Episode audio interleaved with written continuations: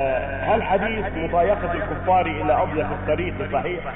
وإذا كان صحيحا فكيف يوفق بينه وبين قول الله تعالى لا ينهاكم الله عن الذين لم يقتلوكم في الدين إلى آخر الآية؟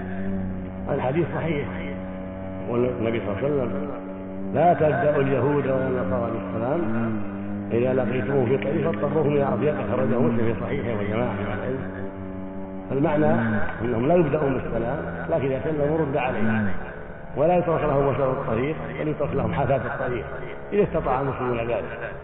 وليس فيه بينهم منافات وبين لا ينهاكم الله عن الذين يقاتلوا الدين ولا يخرجكم من أن تبروهم وتقسطوا إليهم. هذا ممكن وهذا ممكن.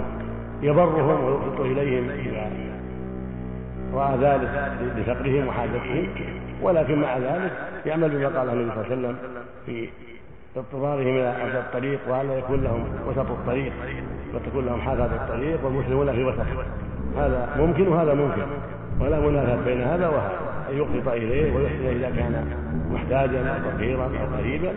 ومع ذلك لا يبدأه بالسلام ولا يجعل له وسط الطريق إذا استطاع ذلك. وهذا كل معناه مضايقتهم حتى يدخلوا في الإسلام. لكن بين المسلمين إذا عرفوا المضايقه من المسلمين وأنهم لا يبدأونهم بالسلام وأنهم يضطرونه إلى اضيق الطريق.